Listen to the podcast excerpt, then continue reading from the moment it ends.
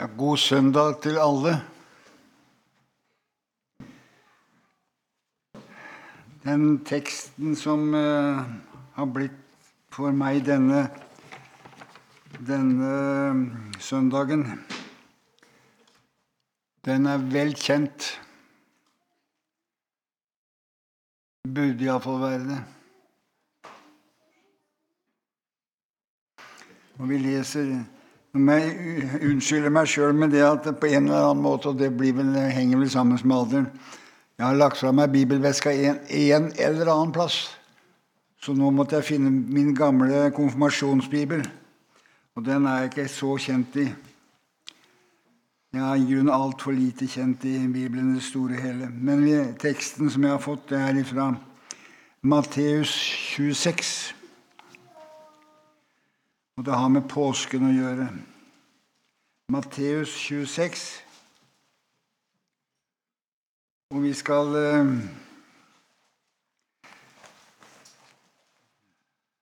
Skal vi se hvor jeg av brillene? Det ligger her, ja.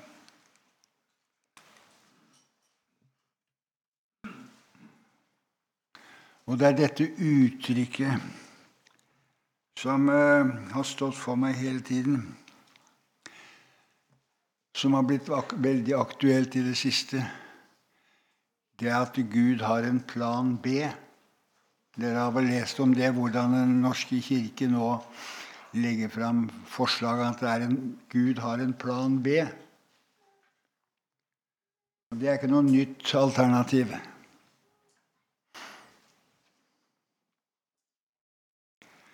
Jesus stiller det spørsmålet. Far, er det mulig?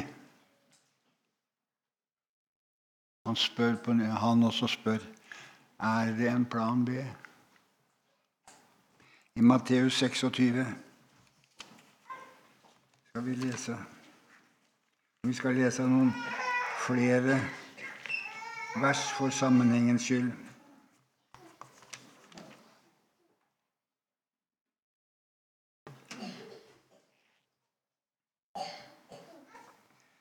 Skal lese fra vers 36. Da kom Jesus med dem til et sted som heter Getsemane, og han sa til disiplene Du husker dette, i hvilken sammenheng dette står? Nattverden er innstiftet, og Jesus visste hva som foresto. Så tar han disiplene med seg, og så går de ut. Og så står det så betegna Og det var natt. Da kom Jesus med dem til et sted som heter Getsemane, og han sa til disiplene.: Sett dere her mens jeg går bort og ber. Og han tok Peter og de to Sebedeus-sønnene med seg og begynte å bedrøves og engstes. Da sier han til dem, Min sjel er bedrøvet inntil døden. Bli her og våk med meg. Og han gikk et lite stykke frem, falt på sitt ansikt og ba og sa, Min far, er det mulig? Da la denne kalk gå meg forbi. Dog ikke som jeg vil, men som du vil. Og det er dette spørsmålet er det mulig? Er det en plan B? Han visste hva som lå foran. Og det var mitt ønske at vi nå i denne fasetid skulle gjennomtenke hva vår frelse kostet har. Hele samfunnet er opptatt av å gjøre forberedelser til påske. Og vi som er, vil være hans venner, vi trenger å besinne oss på denne situasjonen vi er i. Jeg er for liten, ja.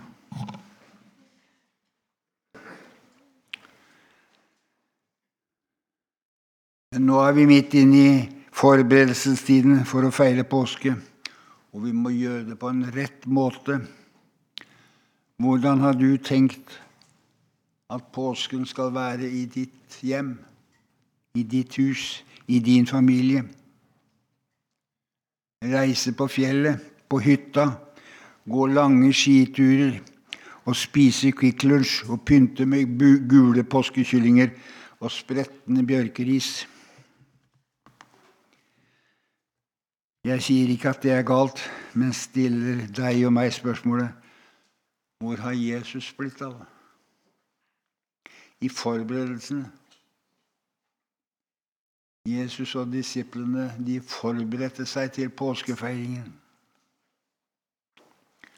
Hvordan har du tenkt å forberede deg og være med hans vei til Golgata? Da må vi kanskje ha en annen tankegang. I mange år brukte Reidun og jeg Fredrik Wisløff sin bok 'Med ham til Golgata'. Det var et godt kart å følge. Men også den boka har blitt borte. Min bønn er at Jesus ikke blir borte for meg. Nå da vi alle er i en tid med store fristelser og mange farer i et kronglete terreng. Vi må følge Jesus til Golgata. Så er det en sang som vi trenger, som vi lærte på skolen. Iallfall lærte jeg den, og som har fulgt meg siden. Den er skrevet for 225 år siden. Og denne dama som skrev denne sangen, hun levde nærme Jesus, og hun visste at hun var stadig utsatt for fristelser og farer. Så skrev hun denne sangen, og den skal vi gjøre til vår bønn. Jesus, styr du mine tanker. Jesus, lei meg med i Han, så hver stund eg i verda vankar, eit Guds barn eg verda kan. La meg leve mine dager, deg til ære, meg til gavn, og så dør når deg behager, i ditt kjære frelsernavn. Jesus, styr du mine tanker. Ja, den bønnen trenger vi å be ofte, iallfall jeg. For tankene de tar så lett avveie i denne verden som er så full av fristelser og farer. Jesus, la meg leve så at hvor jeg i verden vanker, ett Guds barn jeg være må. La meg leve mine dager, deg til ære, meg til gavn. Merkelig rart. Deg til ære, meg til gavn. Jo, den som lever til Jesu ære, han lever seg selv til gavn, for da har han målet om å nå fram. Har han som tanke at han skal nå fram til målet. Og så dør når deg behager, i det kjære Jesu navn. Og det ber vi om, kjære Gud, at du måtte lede oss slik og styre våre tanker og vår fot, slik at vi kan nå fram til det målet som du har ønska at alle skulle nå fram til. Så ber vi for denne forsamlingen her. Vi ber for landet vårt og folket vårt, at de måtte besinne seg i denne tid. Og vi ber for ditt eget land og folk, som også forbereder seg til den tradisjonelle påskefeiring. Måtte det ikke bare bli en tradisjon, men også en realitet. At de ville møte deg og være sammen med deg. Se til ditt folk og ditt land og se til alle de mennesker som lider og har vondt i denne verden. Du ser synden, den gir seg mange utslag. Forbarm deg over ditt folk og dine venner, særskilt denne tid. Amen.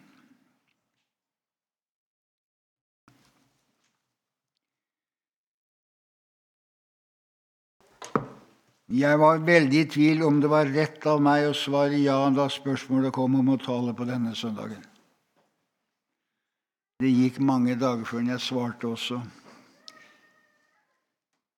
Ikke minst fordi at i denne forsamlingen så er det så mange lærde personer som kan, uh, har mange innholdsrike sitater av fortidens velutdannede og skolerte kvinner og menn. Og jeg er en ganske alminnelig mann. Derfor så kom jeg til denne konklusjonen at jeg fikk henvende meg til barna og søke å tale enkelt om Jesus.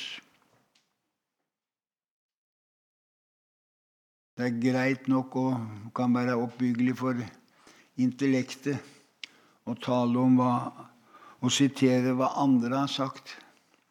Men det vi trenger mer enn noensinne, det er å høre om Jesus og hva han har gjort.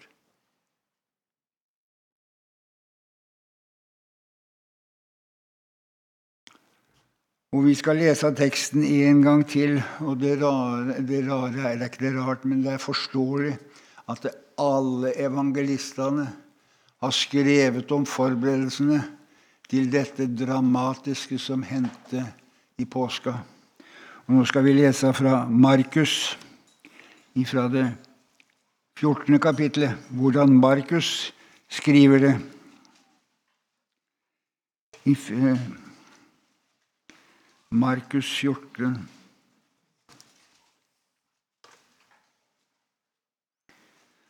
Og Jesus tok Peter og Jakob og Johannes med seg og begynte å forferdes og engstes.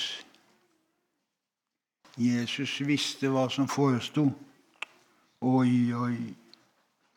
Og han sier til dem, Min sjel er bedrøvet inntil døden. Bli her og våk.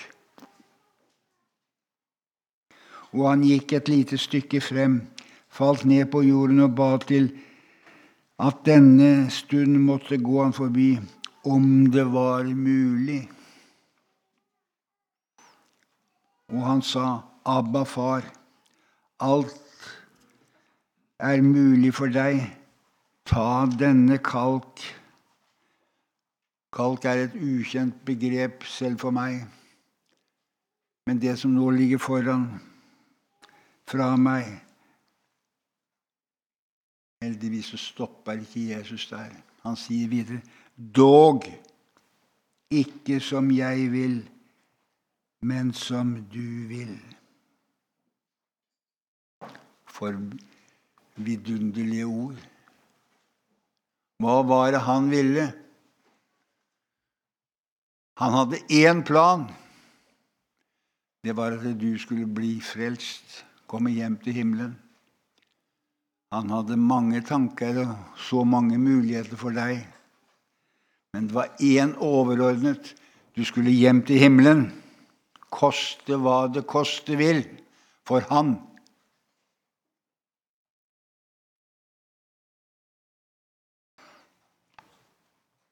Og vi kan lese også, det kan dere gjøre når dere kommer igjen, hos Lukas, hvordan han beskriver denne situasjonen i det 22. kapittelet. Og du kan lese hvordan Johannes skriver. De hadde litt ulike opplevelser.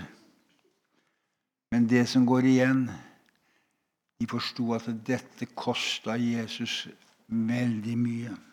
Det kosta han alt.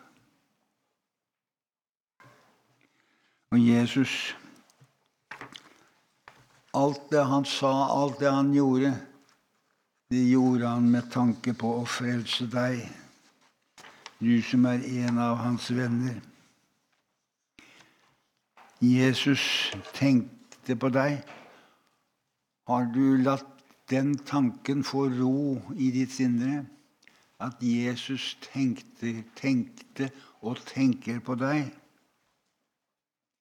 Han som har all makt i himmel og på jord, og som ingenting er umulig for. Han tenker på deg.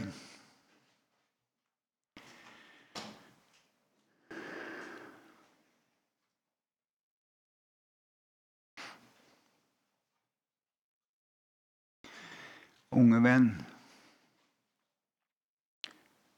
du har sikkert tøft både på skolen og ellers, men jeg kjenner meg selv så godt at jeg hadde nok gjort som alle disiplene da Jesus hører i det fjerne soldatene komme. Jeg hadde nok vært midt i flokken av de som rømmer fra Jesus. De som flykter for å berge sitt eget skinn. Men Jesus så det annerledes. Det var ikke å berge seg selv, men å berge deg. Og Jesus hadde i hele sitt liv, fra han bare var noen dager gammel, måtte være på flukt. Det står det at da han var bare noen få dager gammel, så måtte hans foreldre flykte til Egypt.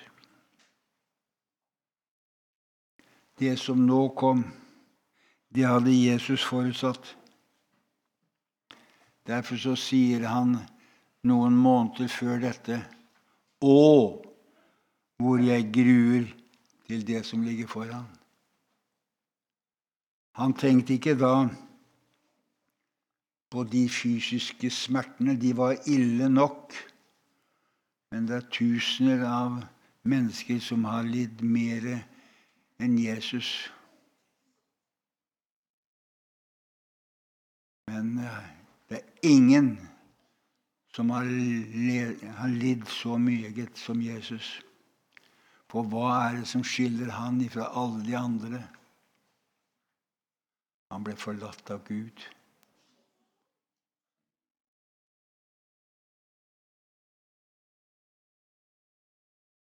Og så hadde han venner, sånne som deg og meg,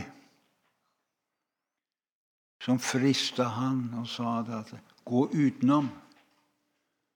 La oss ikke dra opp til Jerusalem. La oss gå utenom. La oss ikke utsette oss for fare.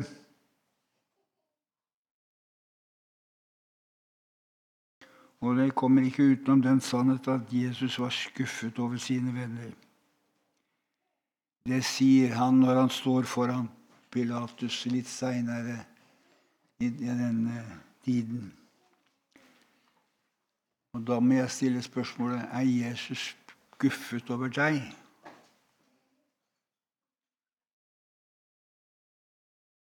Det spørsmålet skal du bruke litt tid på å besvare.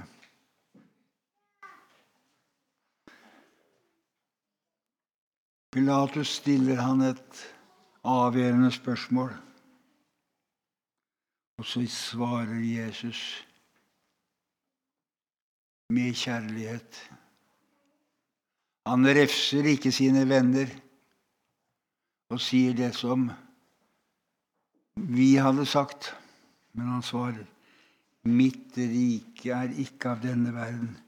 Var mitt rike av denne verden, da hadde mine tjenere strid for meg. Men jeg og dem, de tilhører et annet rike. Og leser vi bibelhistorien og det som skjer i mitt og kanskje i ditt liv, så er det ikke mye Jesus har å glede seg over. Nei, når jeg ser tilbake på mitt snart 85-årige liv, så er det mange skuffelser svik og svikt og det som verre er. Og jeg som har villet være en Jesu etterfølger. Ja, Jesus bruker det enda sterkere ord. De som er hans etterfølgere, skal være sendebud i hans sitt sted. Det har vært et dårlig sendebud. Og leser vi Bibelen, så ser vi at menneskene, inklusiv deg og meg, alle som en, vi har ikke gjort annet enn å skuffet Gud og Hans Sønn. Det var ikke slik han tenkte det. Det var det vi ble minnet om til åpning i dag. Det var ikke gått mange timene på denne jord før mennesket brøyt Guds viktigste bud. Enda de hadde hadde fått alt. Men de brøyt det budet Gud hadde sagt, det eneste. Du kan fritt spise av alle trær i hagen, men ikke det ene.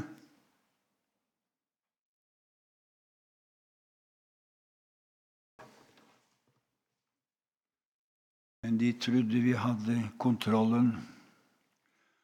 Og vi har ofte vært selvbevisste og tilsynelatende sterke. Men så kommer vanskene. Og du husker noe som vi syns er litt underlig rart. Iallfall syns jeg det fra min tid på søndagsskolen. Når lignelsen om, hele fortellingen om Peter og den store sjøreisen hvor de kom ut i uvær. Og Peter han går fra bordet mot Jesus. Og så står det at når han så det hårde vær flytta blikket fra Jesus til verden omkring seg, så begynte å synke. Hva vi, burde vi lære? Vi må ha blikket festa på Jesus til enhver tid og stund.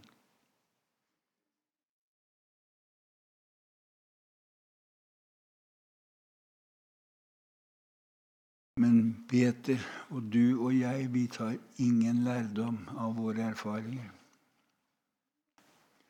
Og Det er smertelig å lese da Jesus innstifter nadværen, og Jesus sier litt om hva som vil komme.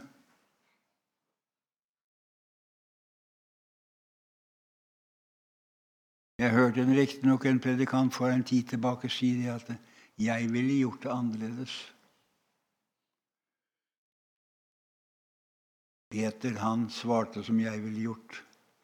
Om alle de andre sviktet deg, så stol på meg, Jesus. Vi vet hvordan det gikk. Det står hos Lukas i det 22. kapittel. Nå visste Jesus hva han gikk til da han kom til denne jord. Det ble klarlagt og avtalt før menneskene ble skapt på denne jord. På denne jords femte dag. Jeg forestiller meg det at det da var det stormøte i himmelen. Da var Gud, Den hellige ånd og Jesus og alle englene sto rundt omkring. De hadde skapt alt, og Gud hadde sett det, og det var såre godt. Men skulle de skape mennesket med den i sitt bilde, og med den mulighet at de kunne La oss ikke si de. La deg og meg komme til å gjøre det annerledes enn det Gud vilje.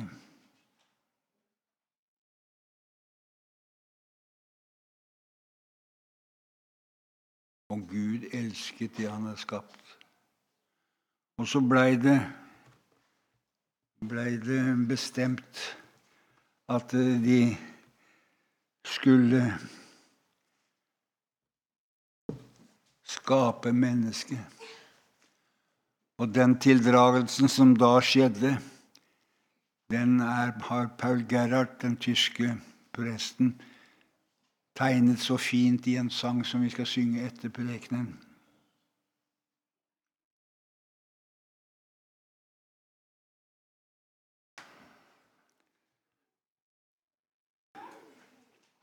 Gud, det står videre, ja, Jesus gjentar det en sein nattetime i et møte med en som var i tvil både om dette og hint. Så sier han sånn For så har Gud elsket verden. Ja, han elsket det han hadde skapt. Og han elsket menneskene som også nå var vedtatt skulle skapes. Adam og Eva var de to første. Men han forutså at det ville gå galt. Men likevel Han fant én som var villig til å ta denne syndestraffen, denne, dette lovbruddet på seg, og bære det, koste hva det koste vil.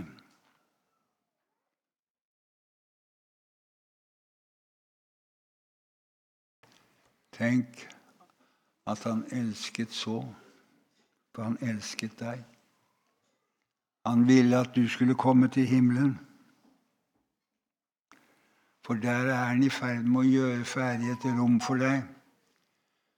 Og det må ikke bli stående tomt. Tenk at han elsket så.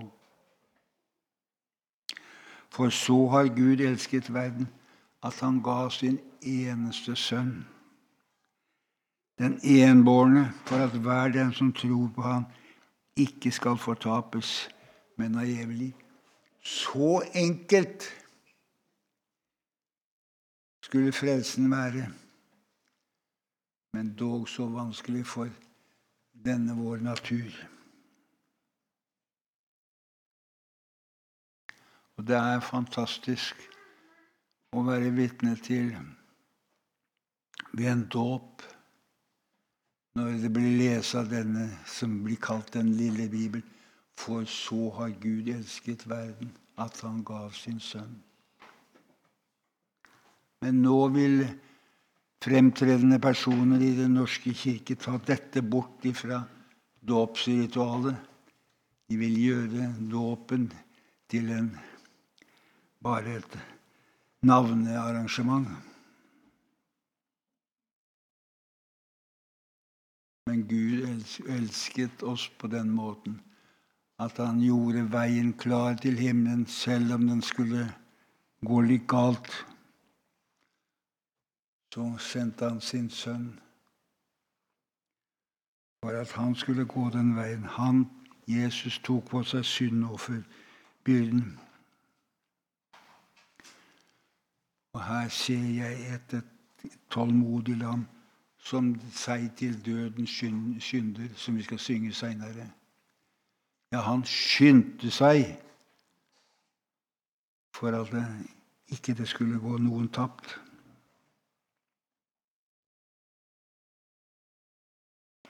Jesus utformet deg og meg, og han har tenkt ut en plan for ditt liv og din gjerning.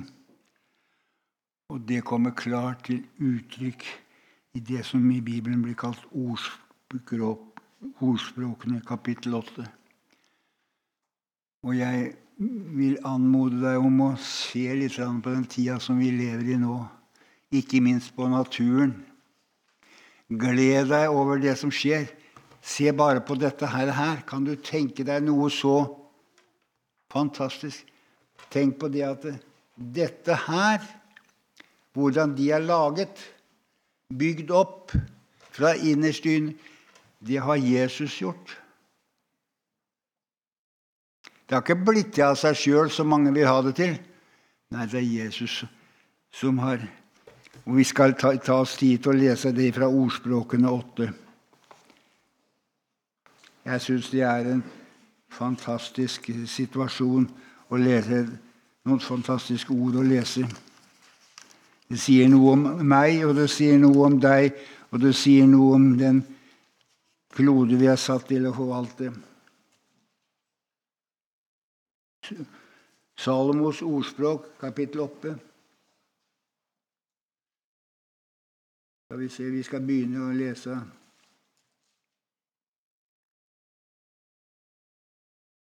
Ifra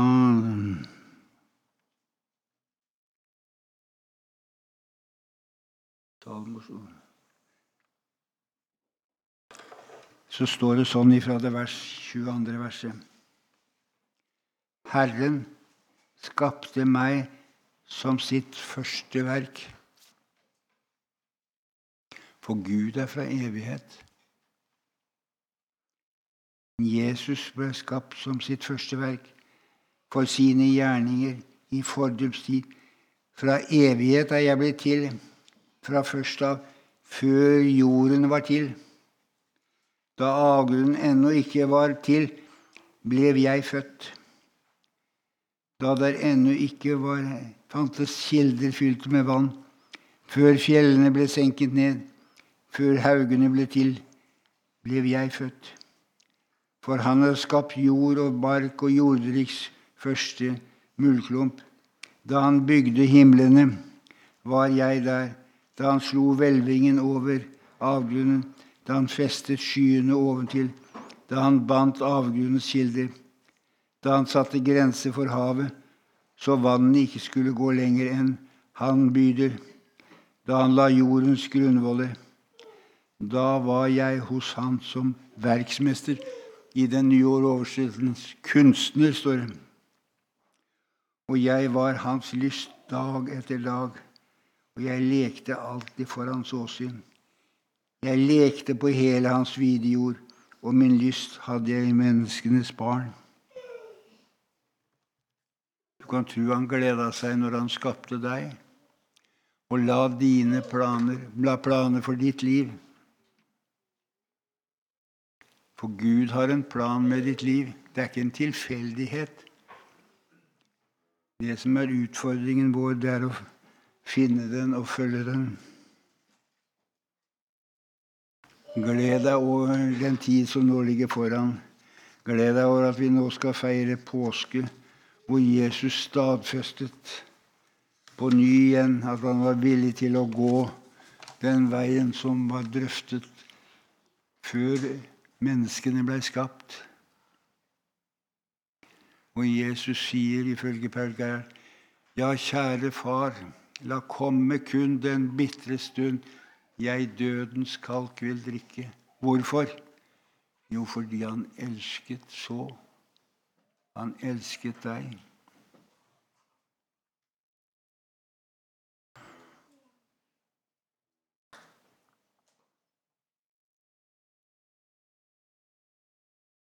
Men når du leser påskeberetningen fra en eller annen, så er det som en dirrende nerve hele tiden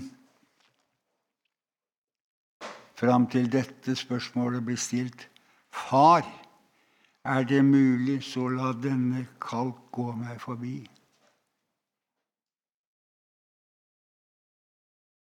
Tenk hvis Gud hadde svart raskt.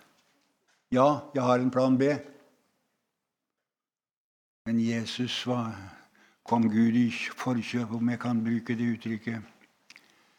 Dog ikke som jeg vil, men som du. For Gud ville at alle mennesker skulle bli frelst. For Gud hadde en plan med, ditt, med alle menneskers liv. Det fantes ingen utvei. For synden den hadde den egenskapen den trengte igjennom fordi de syndet alle. Ja, det står at det hele skapningen, alt det som er skapt, det bærer preg av det katastrofale som skjedde i Edens hage. Da mennesket brøt Guds bud. Men når Jesus stiller dette spørsmålet, 'Far, er det mulig?' så kan du tenke deg, du som er far eller mor eller barn, hvor dette spørsmål sved.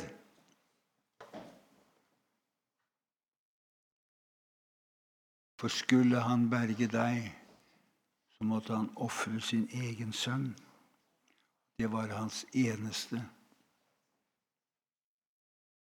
Alternativet var å la deg gå. Men deg elsket han som sin egen.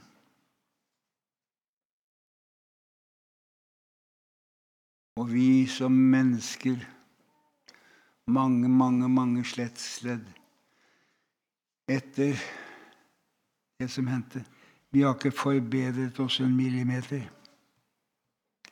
Det er blitt heller verre og verre. Og Jesus sier, 'Du har bare trettet meg med dine misgjerninger og gjort meg møye med, med alt det du har gjort.' Det er ikke noe godt Men jeg, jeg er den som utsletter dine synder. Ikke for din skyld, men for min skyld. Og dine synder kommer jeg ikke mer i hu. Fantastisk uttrykk. Det som er bekjent, det er strøket ut. Jo, vi må si, og du forunderlige Gud, takk at du tok mine synder og betalte min skyhøye skyld. Det var en veldig skyld som måtte betales. Og det ikke med sølv eller gull, eller som den gamle ordningen var, med blodet av bukker og sauer. Det kunne nok koste mye, også det for de som lite og ingenting hadde. Men nå måtte det betales med Guds egen sønn, med Jesu eget blod. Kan du se for ditt indre øye denne veldige syndeskyld og det veldige offer som skulle til bare for det du har gjort? Kan du forstå at Jesus stilte spørsmålet Far, er det mulig? Far, kan jeg slippe? Du ser hvordan menneskene har blitt. De tenker på bare på onde ting hele, den hele dag. Du kjenner meg, og du vet at de legemlige smertene er lite i forhold til det, alt det andre. Men har du hjerte til å sende meg ned i dødsriket?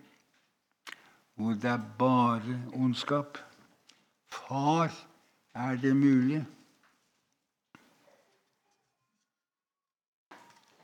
Det er helt utrolig at Jesus kunne svare som han gjorde, for han svarte Gud før, si, før Gud fikk sukk for seg.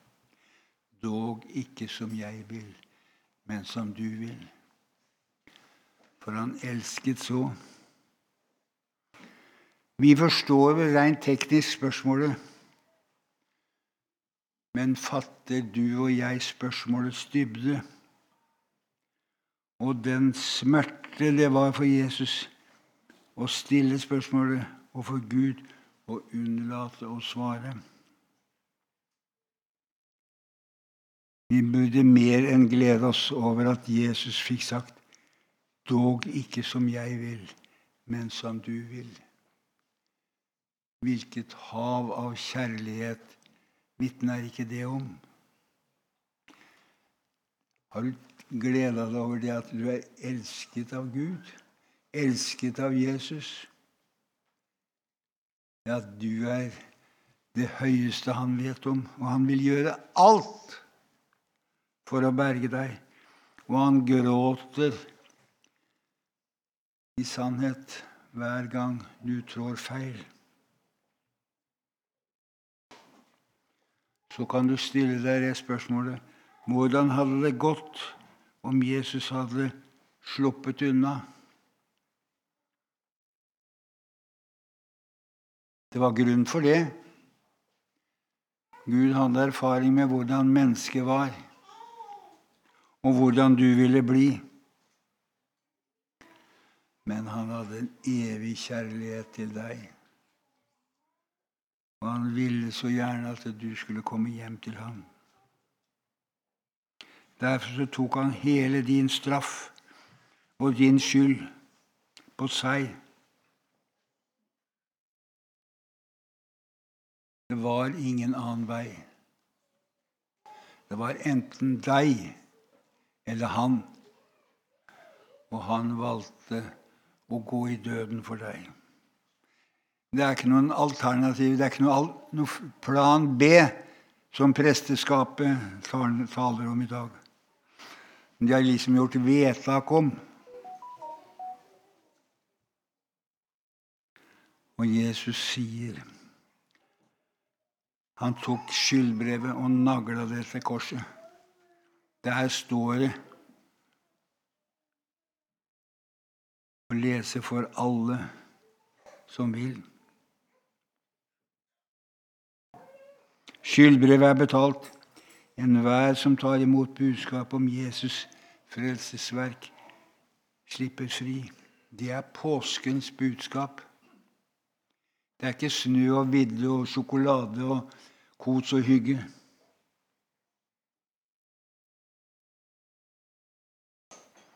Den derimot som ikke tar imot Guds frelsesplan i Jesus' forsoning, må selv betale hele regninga alene en dag. For disse er det heller ingen plan B.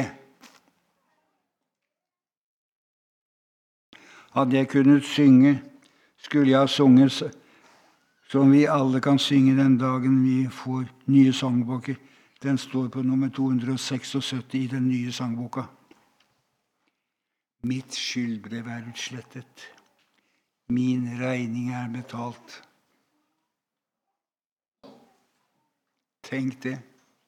Tenk at han elsket så. Han elsket deg, og han ville så gjerne ha deg hjem til himmelen. Og, det, og der skal vi møte alle de som har gått foran. Og mitt håp og min glede i dagens situasjon det er at jeg skal møte de som har gått foran. Jeg husker min oldemor. Hun var født i 1850. Det er ikke mange som husker et menneske som er født i 1850. Men jeg husker henne godt. Og det ble sagt at det er ingen som har bedt så meget for Olav som min oldemor. Jeg skal møte bestefar og bestemor, mor og far, og så skal jeg møte Reidun igjen. Hvilken glede! Og så skal jeg møte Jesus, han som elsket meg mer enn alle disse til sammen, og som bante en vei. Det blir litt av en gledesdag, en frydedag. Måtte ikke du utebli fra den store dagen. Valget er ditt. Veien er klar. Frelsen er åpen for alle. Men du må velge i dag, ikke i morgen. Velg i dag. Det ble sagt mange ganger til Israels folk. Og de som gjorde det, de gikk det bra med. De som utsatte det, de ble det en helt annet resultat for. Min skyldbrev er utslettet. Min regning er betalt. Derfor så står det i Skriften selv om ikke jeg forstår det. Jeg står hellig og ren for Gud i kraft av blodet. Hvilket blod?